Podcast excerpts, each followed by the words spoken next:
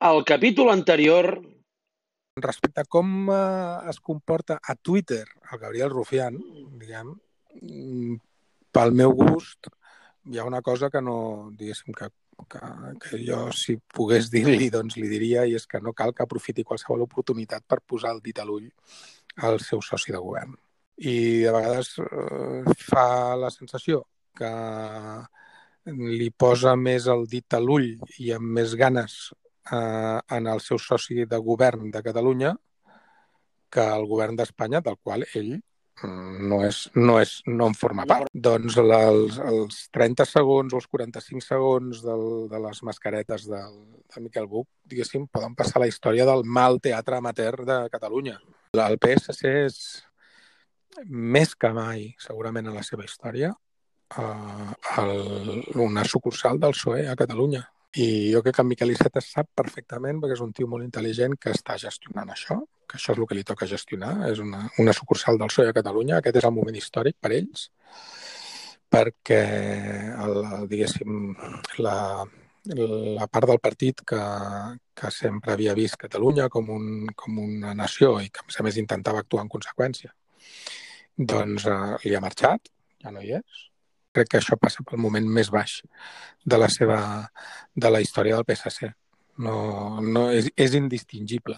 Fa molt, fa anys, des que Miquel Iceta dirigeix el partit, que no som capaços els ciutadans de veure ni un sol tema en el que hi hagi ni un sol matís entre el PSC i el PSOE.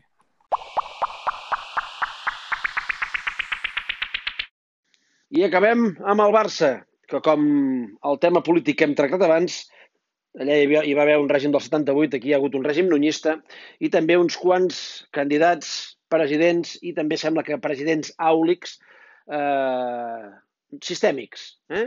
En el règim nunista, que va tenir uns anys, el Núñez no ho va deixar tot tan lligat com el Franco, eh? i vam tenir uns anys de, de, de l'aportisme. S'acaba el regnat de, de Bartomeu, estem entrant en la fase final. Què? Com veus tot aquest eh, tema? Els, els teus oients eh, es mereixen saber d'entrada, diguéssim, com penso jo, sobre o sigui, com m'alineu val? Uh, en aquesta Home. guerra civil permanent sí. uh, del, del Barça. Al Barça hi ha nyerros i cadells. Val? Hi ha dues grans maneres de pensar en el, en el club i a la massa social. Hi ha la, una manera de pensar en el Barça que està mancada de, de qualsevol grandesa, que és incapaç de, de pensar en, en, en grandesa i que, que no és ambiciosa i que no i que, és, que té un punt cutre molt lamentable, que és la, el que s'ha vingut a dir el nunyisme, no? però que el nunyisme al final és un reflexe d'aquesta manera, d'aquesta cultura d'una part de la massa social i després hi ha una part de la massa social que, que ens vam eh, fer d'una religió, o sigui, que vam, que vam veure un profeta que es diu Johan Cruyff i que vam pensar que, era, que el missatge d'aquell profeta era la manera de sortir de la, de la mediocritat històrica del club. I veus, per exemple, si, si un nunyista et sent parlar de la mediocritat històrica del club, et diu que ets antibarcelonista. No, no, el Barça és una, és una mediocritat històrica val? fins que apareix el profeta. I, i aleshores, mm, clar, quan ets seguidor d'una religió, no? i en aquest cas la del profeta Johan Cruyff, doncs, doncs qualsevol solució pel club que no passi per la religió, mmm, aquesta, doncs et sembla dolenta. Val? I jo sóc creient, sóc creient d'aquesta religió i, a més a més, crec que és la religió que ha donat més i millors resultats al club mal? és la religió de la victòria, és la religió dels títols, és la religió del, de, de deixar enlluernat el món amb, amb, el, amb el joc i amb els resultats. I, i, és, i per tant crec que és la religió vertadera, no? Per tant, queda, queda clar, diguéssim, des d'on parlo. A partir d'aquí, a partir d'aquí parlem del que clar vulguis. cap on t'alinees, sí. I una mica, una mica sí. escolta'm, fins al 88, eh, eh, el Barça era amb, aquesta, amb aquest dèficit que, que, que, que dius tu que, que, que tenia, que, que, era evident, eh, es coneixia eh, pels jugadors. Eh? El Barça, tot i ser un club que no tenia una identitat molt marcada, que no era un club eminentment guanyador, ans al contrari, ni a fora ni a casa, eh, però tenia, havia tingut els millors jugadors. Eh, a partir de, de crear el model Cruyff, el Barça continua sent un reclam pels grans jugadors.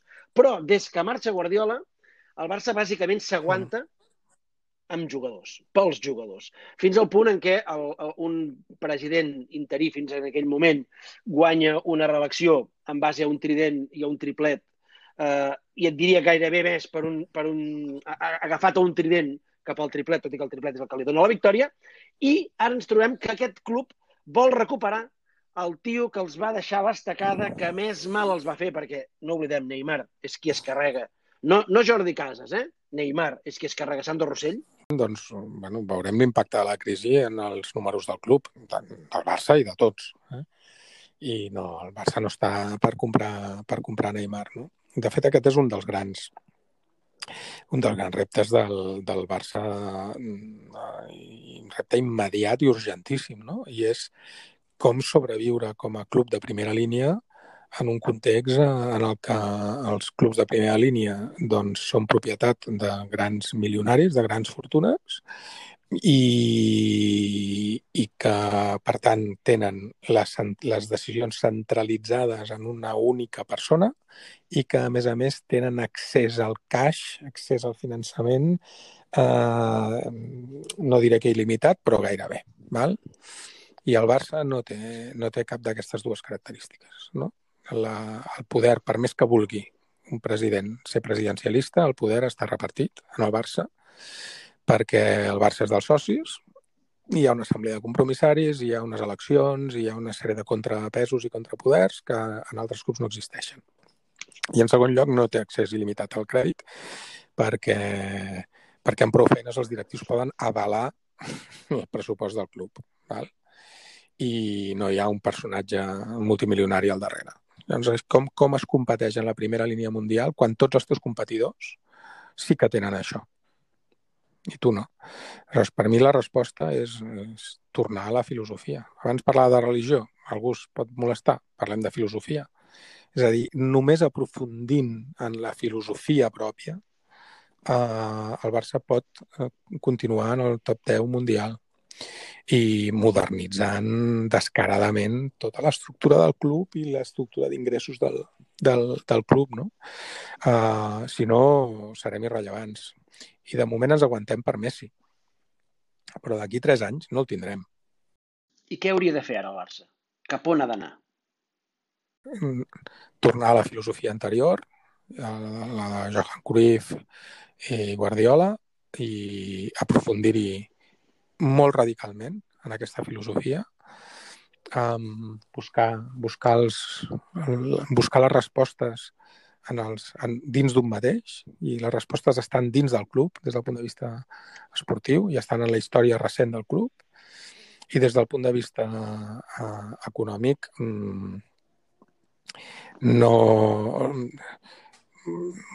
modernitzar-se també radicalment. No, entendre, o sigui, entendre realment què vol dir la, ser un club global, entendre realment d'on et poden venir eh, els, els ingressos i on els has de gastar, aquests ingressos, i en què no els has de gastar, i, i gestionar el, el club com una multinacional, amb els criteris d'eficiència de, eh, d'una multinacional, amb, buscant la rentabilitat, i sense perjudicar la propietat col·lectiva, que és la dels socis.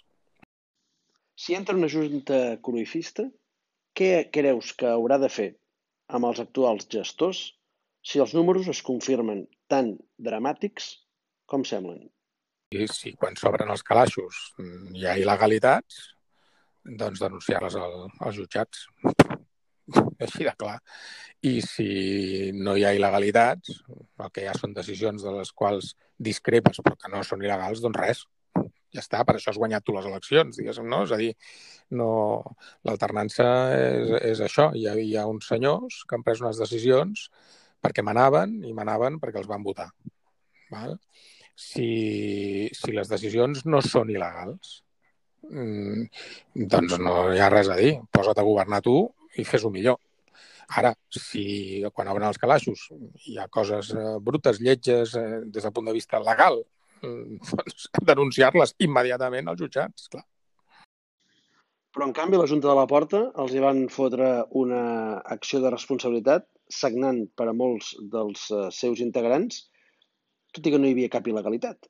De, de perquè hi havia voluntat de venjança, és aquesta manera de pensar sense cap mena de grandesa de la que, de la que parlàvem fa un moment, perquè és així, o sigui, perquè, perquè aquesta gent pensa així, perquè hi ha una part del club que és així, que és, que és venjativa i que, i que vol fer mal, i que ha volgut fer mal per, per enveja, per ràbia, pel que sigui, a, a un president que és el Jan Laporta i a uns directius, que eren els seus directius, que ens van portar que ens van portar al, al millor moment de la història del Barça. Llavors s'ha de ser molt s'ha de ser molt com diria, molt recargolat i molt i molt estrany en la manera de pensar per anar a perseguir eh, a qui ha portat la, la, la, el millor moment de la història del Barça. I a més a més fer-ho en nom de la transparència i fer-ho en nom de la bona gestió i quan tu acabis embolicat amb més afers judicials,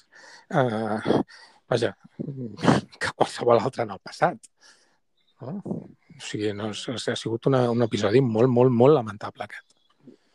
Si ens situem en campanya, ens trobem que el vot corifista de moment hi ha Víctor Font, que té molt projecte i no massa carisma, i eh, comença a aparèixer Jan Laporta, que té molt carisma i sembla que no massa projecte.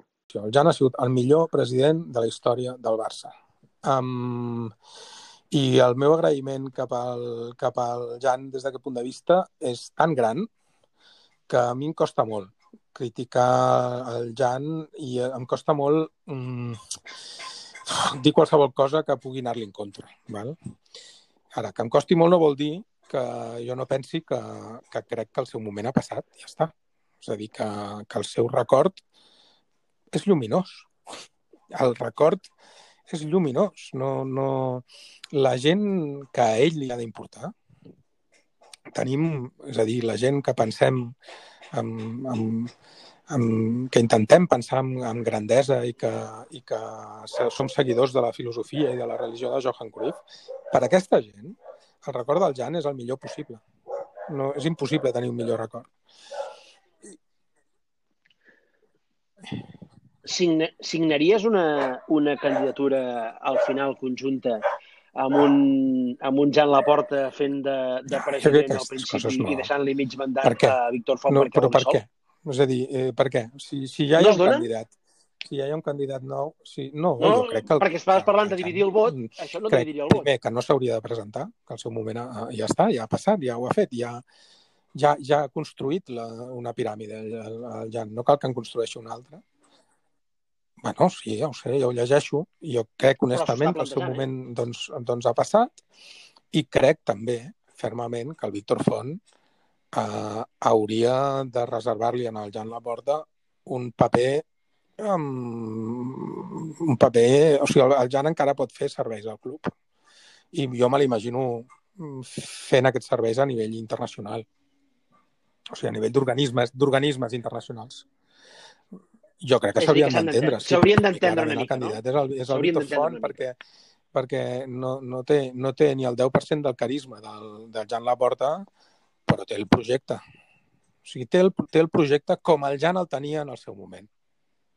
Val?